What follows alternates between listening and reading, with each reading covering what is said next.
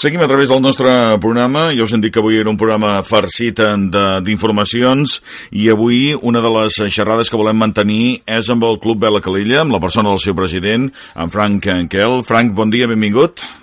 Hola, bon dia. Benvingut Moltes gràcies també per estar amb nosaltres aquests eh, minuts i compartir les, les teves experiències com a flamant nou president del Club Vela Calella. Avui parlarem, si m'ho permets, també una mica de, de l'entitat i de, de la teva nova i estrenada presidència, però també d'aquest cap de setmana on, segons eh, tinc entès, ja heu penjat aquell cartell de, com, com diríem amb el cinema, no hi ha entrades, verdad? Que tot està complert.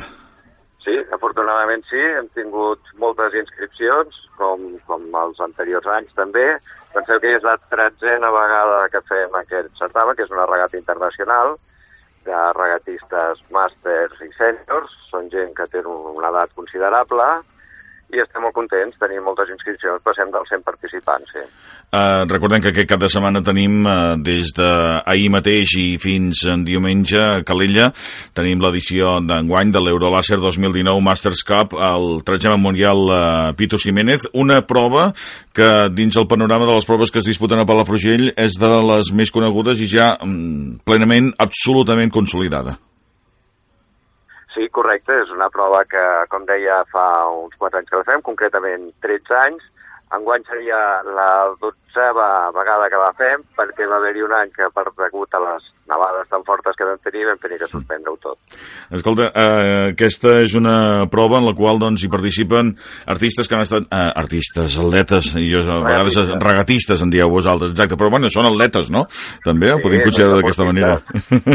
des d'on ens arriben? Perquè he llegit que ens arriben des de- des d'arreu i fins i tot també de, de fora de, del que és Europa, on, on teniu el nucli més important de, de participants.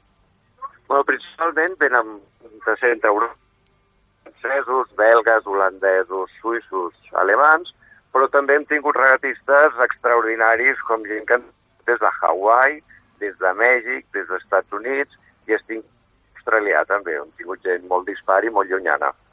Les proves es van iniciar el dia d'ahir, suposo que era una presa de contacte amb les aigües de Calella per saber com, com estan les condicions, que han estat una mica diferents aquests dies. No sé si per vosaltres són adverses o són òptimes. No, avui tenim un dia fantàstic, ahir van les proves no comptables,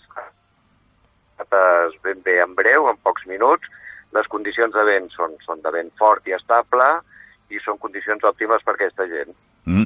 Aquestes eh, esportistes que en el dia de- d'ahir van començar aquestes regates, de fet, eh, explica'ns una mica com van les, les etapes, el que podrà veure la gent, per exemple, en el dia d'avui, amb aquest divendres, o demà dissabte i diumenge, perquè ahir era una mica de proves, no? Ahir eren regates de no eren puntuables i avui sí que són regates puntuables, que els farem avui divendres, com dissabte i diumenge, començaran ara a les 12 i llavors es, es realitzen tres mànigues cada dia i poden arribar a durar entre hora, hora i mitja, ben bé. Estarem aquí una bona estona, sí. Mm -hmm. Quins horaris tenim per al cap de setmana? Així la gent es pot acostar fins, eh, fins a la platgeta o al Port Bo per veure la regata. Quin és el millor lloc per veure-ho?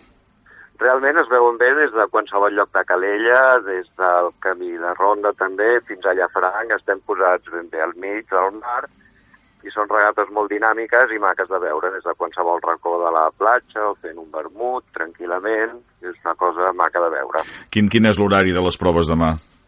I Demà diumenge? serà en el mateix horari, començarem a les 12 també i farem mànigues que estan pensades per fer sempre tres mànigues cada dia. Uh -huh. uh, això només al, al, al migdia, a la tarda n'hi ha més o són, són totes seguides? Són, són, són proves de, de matí i es fan seguides. Perfecte. I això diumenge també? El diumenge el mateix, sí. Mm. Molt bé, doncs tenim aquestes etapes, ja sabeu si qualsevol persona vol... Explica'ns una mica en què consisteix aquest, eh, eh, aquest vaixell o, o barca, com, com li dieu vosaltres, que, que teniu noms tècnics per tot. Sí, bueno, és un barco molt senzill. Bàsicament, la seva gràcia radica en la seva senzillesa. És un barco eh, que són tots iguals, amb la qual les avantatges no són tècniques, sinó són més d'habilitat del regatista. Això fa que la flota vagi molt compactada i destaqui realment la gent que té més tècnica en passar l'onada, en saber agafar el vent d'una manera o de l'altra, i així és com poden tenir avantatges per als altres participants. Frank, però de totes maneres hi ha diferents eh, categories, no? Dins, això és la classe làser, però n'hi ha diferents categories, no? Sí, tindríem la classe estàndard, que és una vela més grossa, i després hi hauria la classe radial, que és una vela més petita i amb classe radial eh, generalment hi participa gent que tenen una edat superior i les condicions adverses els hi costa una miqueta més, i llavors poden navegar amb una vela més petita, menys metres quadrats. Abans has dit que hi havia gent, es considera molt gent molt gran, eh, tenim participants de, de molta edat, són veterans, però veterans a partir de quina edat? Perquè hi ha esports que quan tens 40 anys o, o 30 ja ets un veterà. No sé en aquest cas eh, de què estem parlant.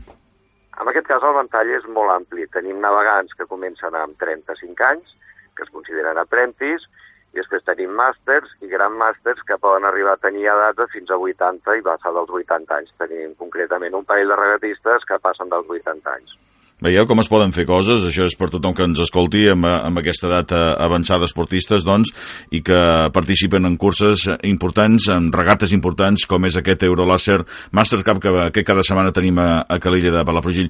Eh, si em permets, no és l'única prova que organitzeu, perquè visitant la vostra plana web i donant un cop d'ull, veig que el mes que ve també teniu una altra prova eh, que organitzeu al Club Vela Calella. No sé si conjuntament amb el Club Nàutic Llafranc, com ho feu? Farem conjuntament amb el Club Nàutic Llafranc. És un altre tipus d'embarcació, és una embarcació, aquesta sí, a diferència del làser, que es diu fin. El tipus fin d'embarcació és un barco molt, molt tècnic, aquest sí que és molt tècnic, i requereix realment uns grans, grans i amplis coneixements de, de, de manejo. Uh mhm. -huh. En aquest cas és, un, és una regata que farem amb el Club Nàutic de, de Llafranc, els barcos estaran posats a llarg, en aquest cas, i la part tècnica la portarem nosaltres, i és una col·laboració que ens fa molta il·lusió, perquè França també té maca i també serà maco de veure. Serà el 17, uh, 17, 18 i 19 de maig, per tant excepcional també aquesta prova que podrem veure. Aquestes, tant, tant una com l'altra, són individuals, no?, de, de proves? Sempre són embarcacions individuals, sí. Mm -hmm. Molt bé, doncs eh, ja ho heu pogut escoltar, eh, que si voleu aquest cap de setmana, si voleu el mes que ve, tenim aquestes proves del Club de Vela Calella. Com està el Club de Vela Calella ara mateix?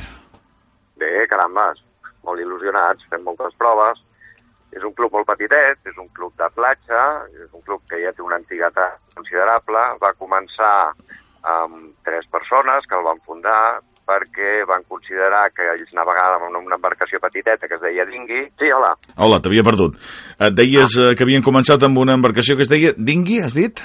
Dingui, Dingui era un mm. barco de fusta que se'n deia tres i mig i era, era, li deien Dingui. Uh -huh. uh, cal resaltar, ara que ho ha comentat uh, el nostre convidat del dia d'avui, que un dels tres fundadors, juntament amb en Rafa Jiménez i en Josep Maria Jonola, va ser el teu pare. Exacte, Frank Erla, el meu pare. O sigui que heu continuat en família, això. Bueno, hem seguit amb la saga, sí. Molt bé. Uh, fundat l'any 1947, uh, què vol aportar el, en Frankel, el nou president? No sé si dir-te Frankel Júnior, això ja no es porta, no? Ara? Home, no, ja tenim una edat, també. Molt bé. Doncs què vol aportar? Quin granet de sorra és el que vol eh, posar dins eh, de, del Club Vela Calilla com a president? Bueno, nosaltres la il·lusió que tenim és poder fomentar la vela de base, que se'n diu, que la canalla pugui venir, fem uns cursets de vela durant tot l'estiu, i això bàsicament és la nostra motivació, fer créixer una miqueta la vela dins de, de la comarca. Invitem a tots els nanos que venen a estiuejar o que són palafrugellencs que es puguin apuntar i, si més no, tenir una miqueta un contacte amb la mar, que és una cosa que per nosaltres sempre ha sigut molt important, la promoció i el coneixement del mar. És un esport car? No, realment no és un esport car. No, no, la veritat és que no, les embarcacions aquestes que estem navegant avui no són cares, l'equipació tampoc és cara, l'únic seran els trasllats, però la gent s'acomoda, van junts, és un esport realment que no és el, el més car. Teniu molta gent, suposo que ve de, de fora, que utilitza Calella doncs, com a base d'operacions, però la, la gent d'aquí, la gent de Palafrugell, de Calella, no sé, de, de la Bisbal, d'aquest voltants, s'interessa per la vela? Menys dels que voldríem, malauradament menys dels que voldríem.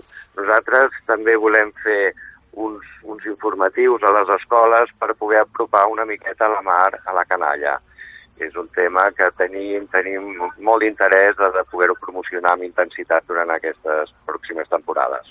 Espero que, doncs, que, que funcioni, és un esport eh, realment meravellós. Eh, ho teniu fàcil a Calella? Ho dic per ser una zona turística, no tenir un port esportiu que es pogués fer, eh, de compartir platges, o de compartir tot. Com, com ho porteu, això? Realment és, és una cosa una miqueta titànica perquè és, és un club amb unes instal·lacions efímeres que les tenim només durant l'estiu, tenim una petita zona de la platja on podem posar els recursos de l'escola sortim des de la platja amb tots els monitors, tot tutelat amb barcos de salvament i està tot organitzat així. Uh -huh. Doncs eh, seguirem parlant, eh, si cas, eh, quan arribi una mica més eh, cap a l'estiu per parlar d'aquests eh, cursos i tornar a donar la, a conèixer la gent eh, que, doncs, que, que s'hi pot apuntar, eh, ho farem efectiu, i sobretot doncs, perquè ens interessa també escampar-ho al màxim possible a través de la, de la nostra emissora. I ja que això que ho dic, doncs que qualsevol cosa que necessiteu des de la nova Junta Directiva, aquí estem per, per eh, escampar la veu al nostre, al nostre espai. Alguna cosa més que en Frankel, eh, president del Club Bela la Calella ens vulgui comentar. Bueno, bàsicament agrair-vos que fer una miqueta de ressò d'aquestes activitats i puguem donar a conèixer a la gent tot el que s'està fent aquí a la comarca, que també és, és un pol d'atracció per, per fomentar una miqueta també el turisme. Tot, tot forma una sinergia que creiem que és molt positiva. Home, teniu molta gent ara, no?, aquí, eh, aquest eh, cap de setmana, i el cap de setmana de, de la prova de Llafranca que has comentat, també, molta gent que durant uns quants dies estan aquí a Palafrugell. Sí, sí, sí, tenim gent que, que tenen ocupacions en hotels, en restaurants, en apartaments de lloguer, és, és un tema que és, és maco de veure, hi ha, hi ha molta vida. Doncs tothom content, així. Eh, en parlem d'aquí tres setmanes o més, abans de la prova de, de la categoria FIN, eh, ja se m'acadarà això, i ens tornaràs a explicar en què consisteix. Eh, moltes gràcies, Fran. Perfecte. Una abraçada. Moltes gràcies, Molt bon dia. Bon dia.